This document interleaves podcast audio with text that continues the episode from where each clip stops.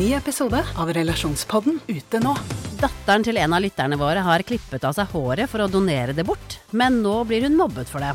Hva kan mamma gjøre? Og hva gjør du når 14-åringen ikke vil ha den kjipe stebestefaren i konfirmasjonen sin? Ta hensyn til konfirmanten eller til mormor. Hør Relasjonspodden gratis der du hører podkast. En podkast fra Podplay. Denne episoden kan være skremmende for enkelte lyttere. Om du er yngre eller sensitiv til drap, forsvinning eller beskrivelser rundt slike hendelser, så anbefaler vi at du lytter til episoden med noen du stoler på, eller skrur av.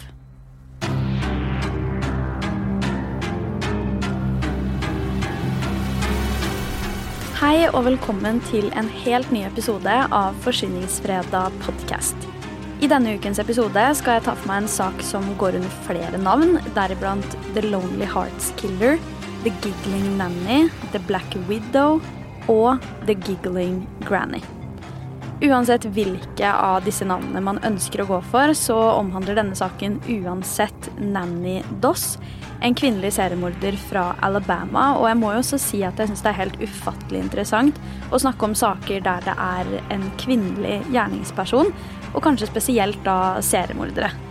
Disse er det jo nemlig ikke så ofte at vi hører om, men når de først dukker opp, så pleier det å være helt ufattelig morbide saker som virker både utspekulert og godt planlagt.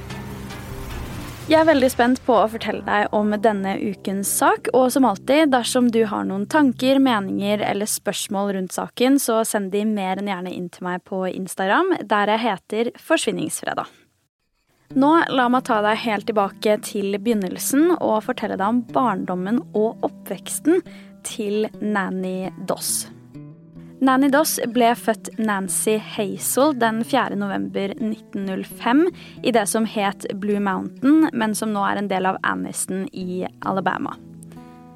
Foreldrene hennes het Louisa og James, og Nancy var ett av fem barn i familien.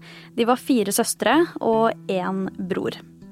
Det florerer faktisk en hel haug av rykter rundt Nancys biologiske far, for hun var nemlig eldst i søskenflokken, og moren kunne heller ikke med sikkerhet si at det var James som var den biologiske faren hennes. Likevel så har hun jo vokst opp med at han er det, nettopp fordi at da Louisa ble gravid med Nancy, så ble det satt i gang et hastebryllup, fordi det på den tiden var en synd å få barn utenfor ekteskapet.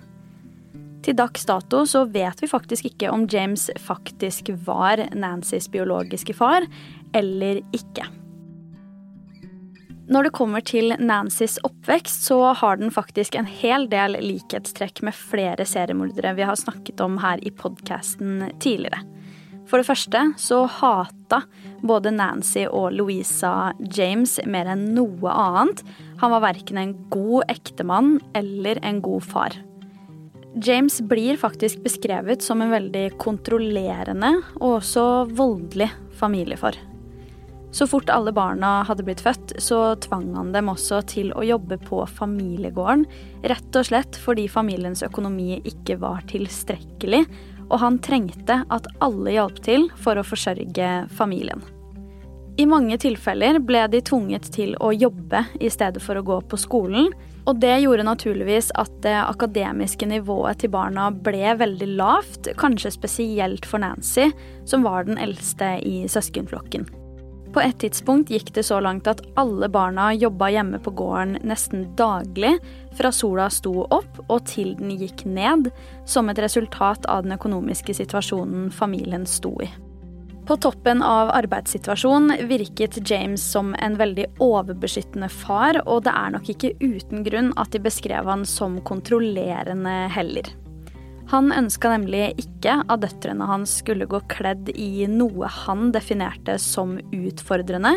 Det skulle egentlig ikke vise det minste hud engang. Sminke var ikke tillatt, og jentene fikk heller ikke lov til å dra på skoleball eller andre sosiale tilstelninger.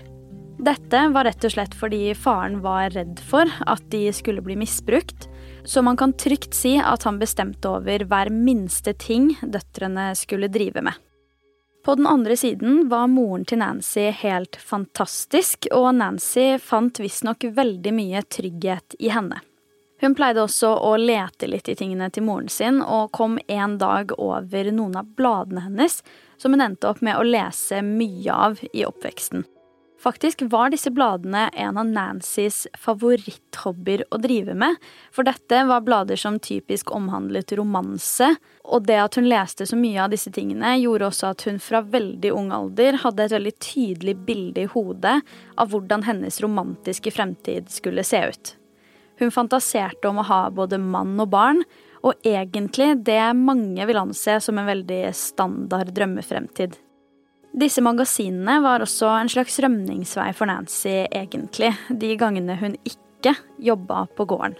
Hun fikk jo ikke lov til å sosialisere seg eller være med på noen av arrangementene sammen med de andre barna i området, så hun måtte jo ha noe som fikk tiden til å gå, hun også. Disse faktorene skal ha veldig mye å si for Nancys liv generelt, men akkurat hvordan kommer jeg tilbake til. Så til tross for at barna i Hazel-familien hadde en veldig kontrollerende far, så var det tilfeller der de hadde besøk av onkler og tanter, og også fettere og kusiner. Noen kilder, og også Nancy selv, hevder at det er i forbindelse med dette at Nancy fra veldig ung alder ble utsatt for seksuelle overgrep utført av både en fetter og onkelen hennes.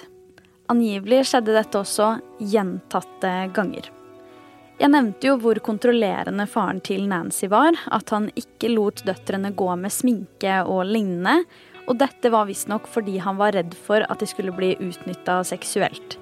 Av den grunn så følte også Nancy seg trygg på å fortelle om dette med overgrepene til faren sin, for han hadde jo så sterke meninger rundt temaet og ønska også å beskytte barna sine mot det, for alt i verden. Dessverre finnes det ikke et fiber i kroppen til faren som klarer å tro på Nancy. Han nekter å tro at dette kan ha skjedd innad i familien, og i hvert fall av mennesker som sto dem såpass nært. Det kan jo umulig ha føltes som at hun fikk noe særlig støtte på dette da, på toppen av at hendelsen i seg selv uten tvil er helt ufattelig traumatiserende. Da Nancy var syv år gammel, hadde familien planlagt å besøke noen slektninger i Sør-Alabama og skulle ta tog for å komme seg dit. Det er på denne turen at Nancy skal skade seg veldig, for på et tidspunkt så bråstopper nemlig toget som et resultat av at det var noe uventa på togskinnene som var nødt til å fjernes for videre fremkomst. Som et resultat av bråstoppen flyr Nancy inn i setet foran seg og rett inn i en jernstang med hodet først. Nancy ble veldig påvirka av den hendelsen her, og i ettertid så slet hun mye med både svimmelhet, kvalme, besvimelse, sterke hodepiner og også depresjon. Noen kilder hevder faktisk at Nancys frontallapp kan ha blitt påvirka eller skada av denne hendelsen, som jo absolutt ikke var ferdig utvikla på den tiden. Dette kan potensielt ha påvirka henne ekstremt psykisk, kanskje i enda større grad enn hun noen gang klarte å vise. Nancy selv skylder også på denne hendelsen som en av årsakene til hennes psykiske utfordringer senere i livet. I 1921 var Nancy 16 år gammel, og hun hadde fått seg jobb på en linfabrikk.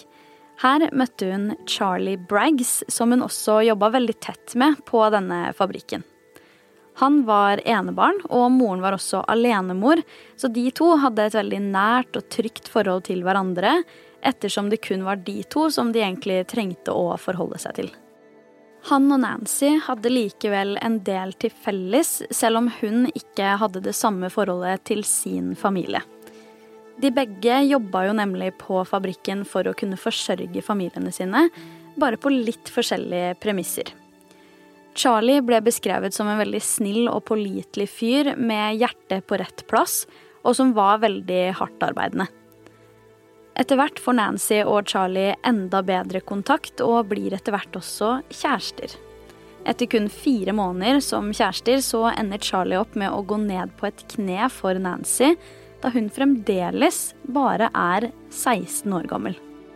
Det er også litt overraskende med tanke på familiehistorien til Nancy, men faren hennes endte faktisk opp med å godta Charlie veldig fort.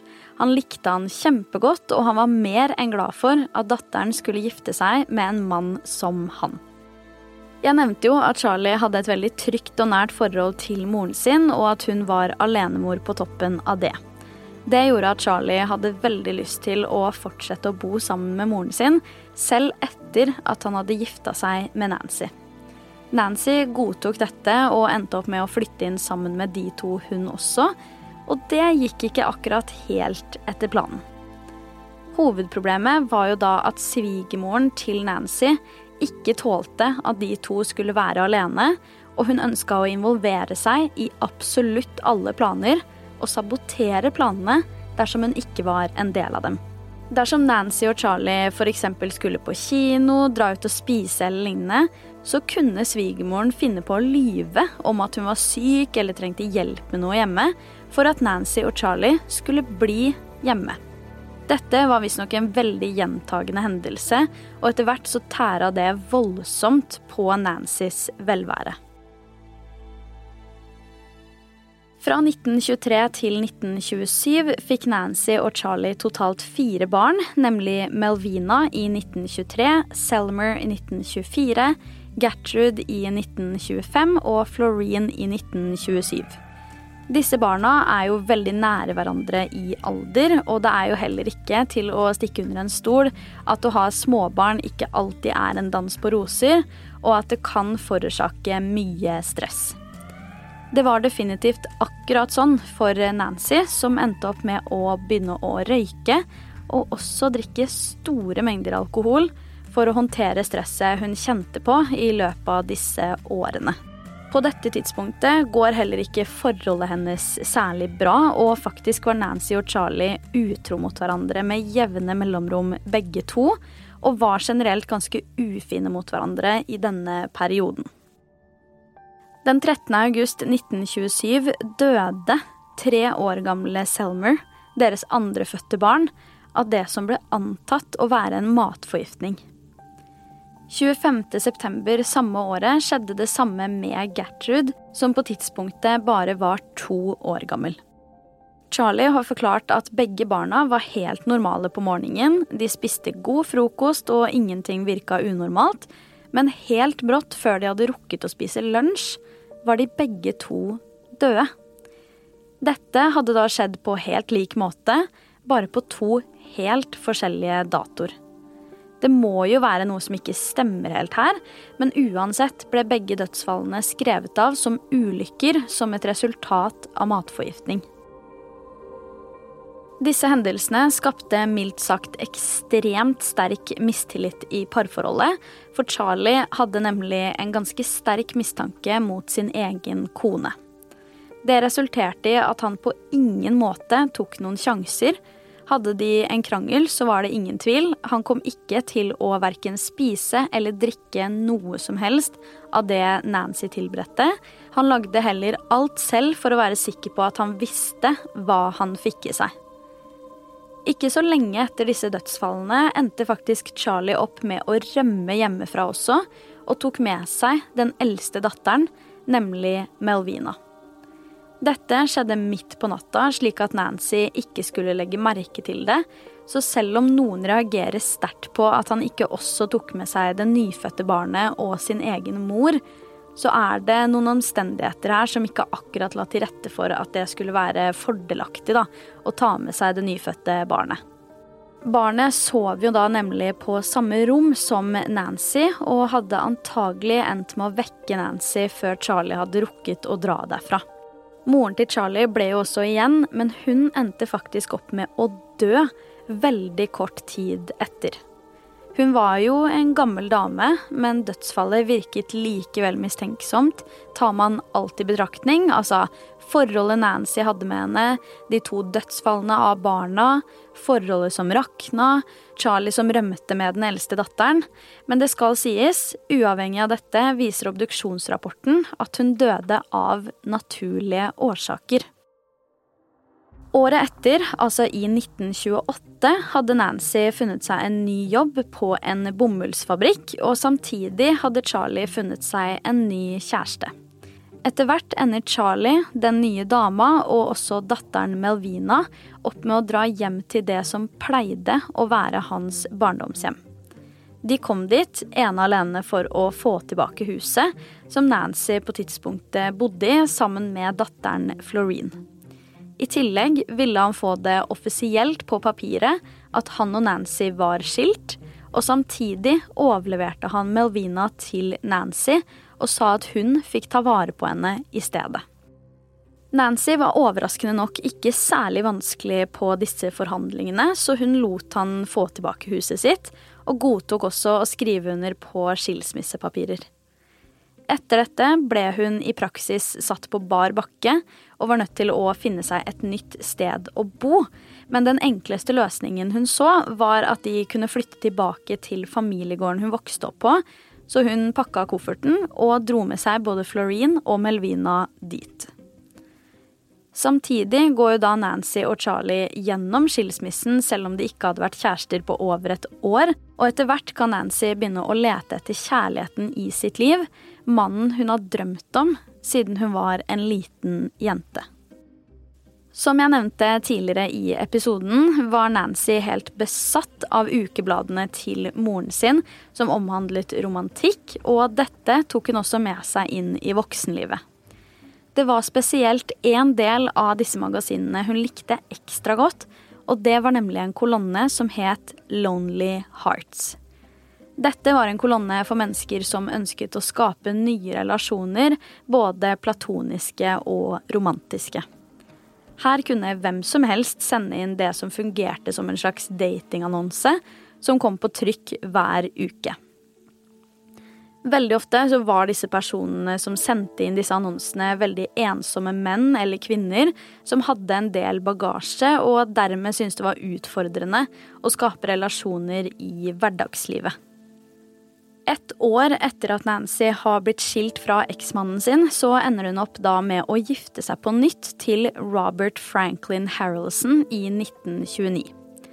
Denne mannen var virkelig noe for seg selv. Som du sikkert skjønner, så ble jo disse to kjent gjennom Lonely Hearts-kolonna. Og faktisk så var det Robert som hadde tatt mest initiativ i denne relasjonen. Han hadde sendt Nancy tonnevis av kjærlighetsbrev, og hun hadde svart tilbake med lange brev, som også inkluderte bilder. Det var ikke før de gifta seg at Nancy imidlertid finner ut av Roberts mørkeste sider. Han var nemlig en veldig voldelig mann som også hadde et stort alkoholproblem, og de voldelige tendensene hans ble enda større så fort han drakk alkohol. Til tross for dette så varte ekteskapet deres i 16 år før det kom til veis ende i 1945. I løpet av denne perioden hadde også Nancys datter Melvina rukket å gifte seg allerede som 18-åring, og kort tid etter ble hun gravid. Melvina er 19 år gammel da hun skal føde sin første sønn, og Nancy er selvfølgelig på plass på sykehuset for å ta imot sitt første barnebarn. Kronemarked hos Bar. Nå har vi en mengde varer til 10 og 20 kroner. Hele denne uka får du løbiff fra Folkets før 54,90, nå kun 20 kroner. I tillegg får du et utvalgt Vasa knekkebrød, før fra 16,90, nå bare 10 kroner. Alltid tilbud på noe godt. Hilsen oss i Spar. To år senere blir Melvina igjen gravid, denne gangen med en liten jente. Denne fødselen var en helt annen enn den første, og satt seg som en ufattelig traumatiserende hendelse for både Melvina og ektemannen. Denne fødselen var nemlig ekstremt langtekkelig. Det skjedde komplikasjoner underveis, og generelt var det en veldig utfordrende fødsel. Det gjorde at Melvina, en nybakt mor, ikke var i stand til å holde sitt eget barn da datteren endelig ble født. Dermed ble det nyfødte barnet heller lagt i armene på bestemoren, altså Nancy Hazel. Dette skulle aldri skjedd. Etter at Nancy har fått barnebarnet sitt i armene sine, forlot sykepleierne og jordmor rommet av en eller annen ukjent årsak. De kommer ikke tilbake altfor lenge etterpå, men når de først kommer inn i rommet, er det nyfødte barnet dødt. Først antok de at dødsfallet skjedde som et resultat av den svært langtekkelige fødselen, men Melvina selv trodde ikke på det i det hele tatt. Hun sa på tidspunktet at hun hadde et vagt minne av at hun så Nancy ta frem en hattenål da hun fikk barnebarnet i armene sine, og at hun brukte den til å ta livet av det nyfødte barnet. Likevel har Melvina også sagt at hun tenkte at hun kan ha vært såpass i tåka etter fødselen, og trodde dermed at hun hadde sett syner, til tross for at det i retrospekt faktisk kan ha skjedd.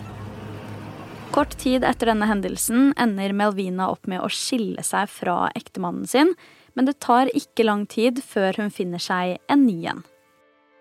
Dette forholdet ble imidlertid ikke godtatt av Nancy.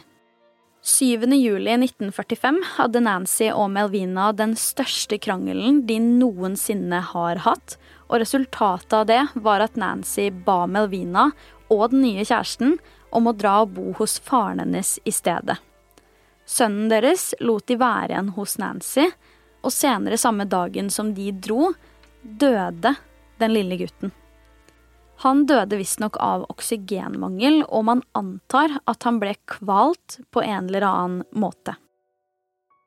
Den 15. september 1945 skulle Nancy og hennes ektemann feire at andre verdenskrig var over.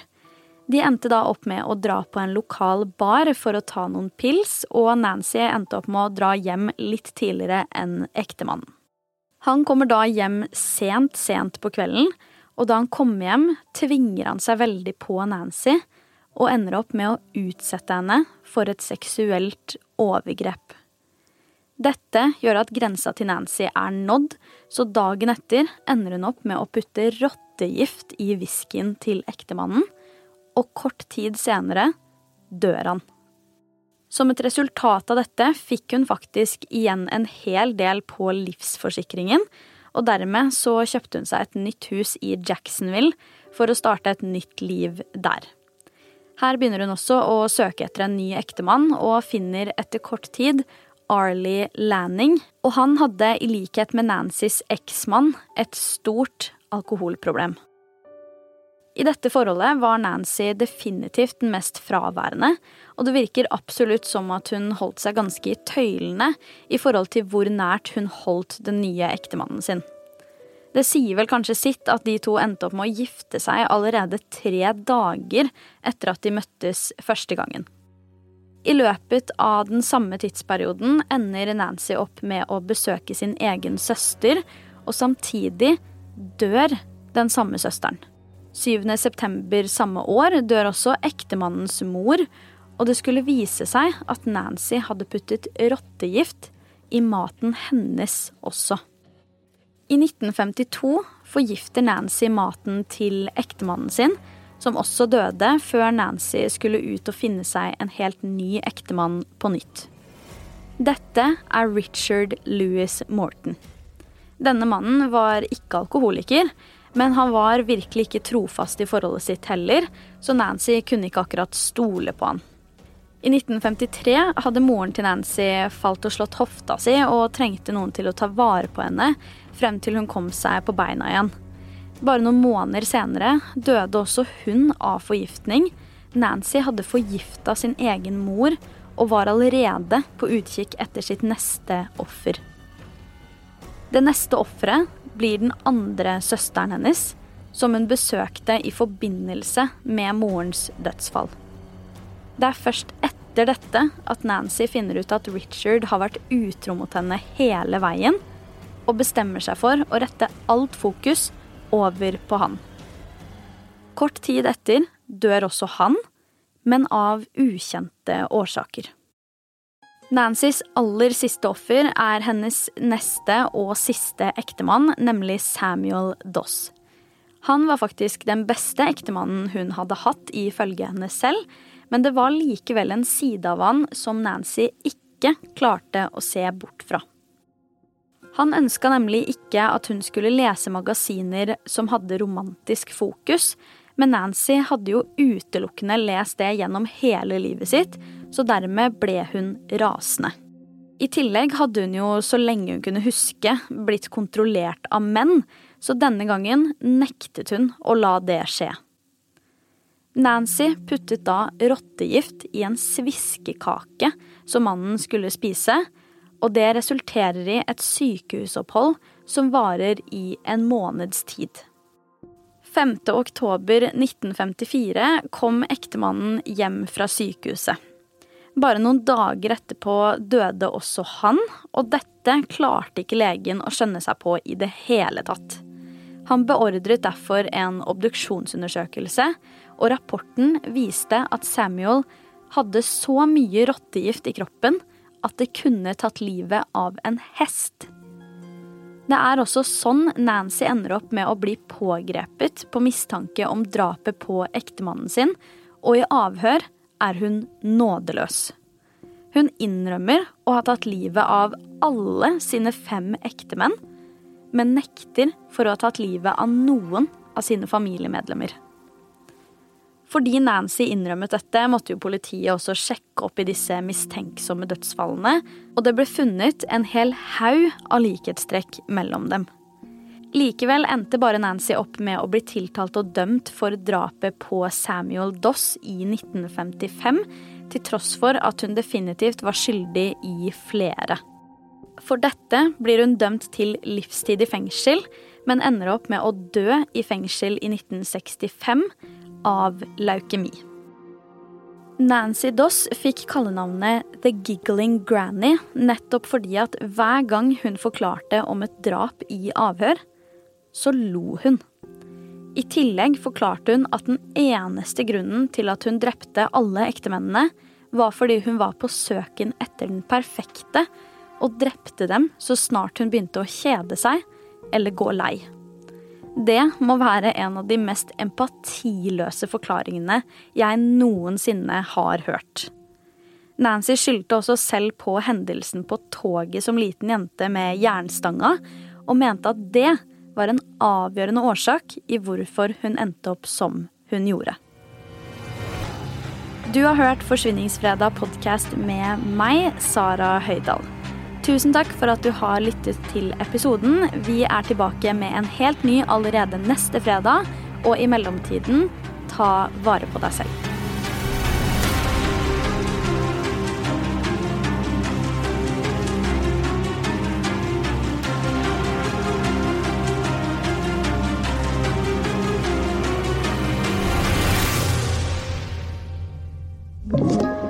Du har hørt en podkast fra Podplay. En enklere Velkommen til Kjemperådet!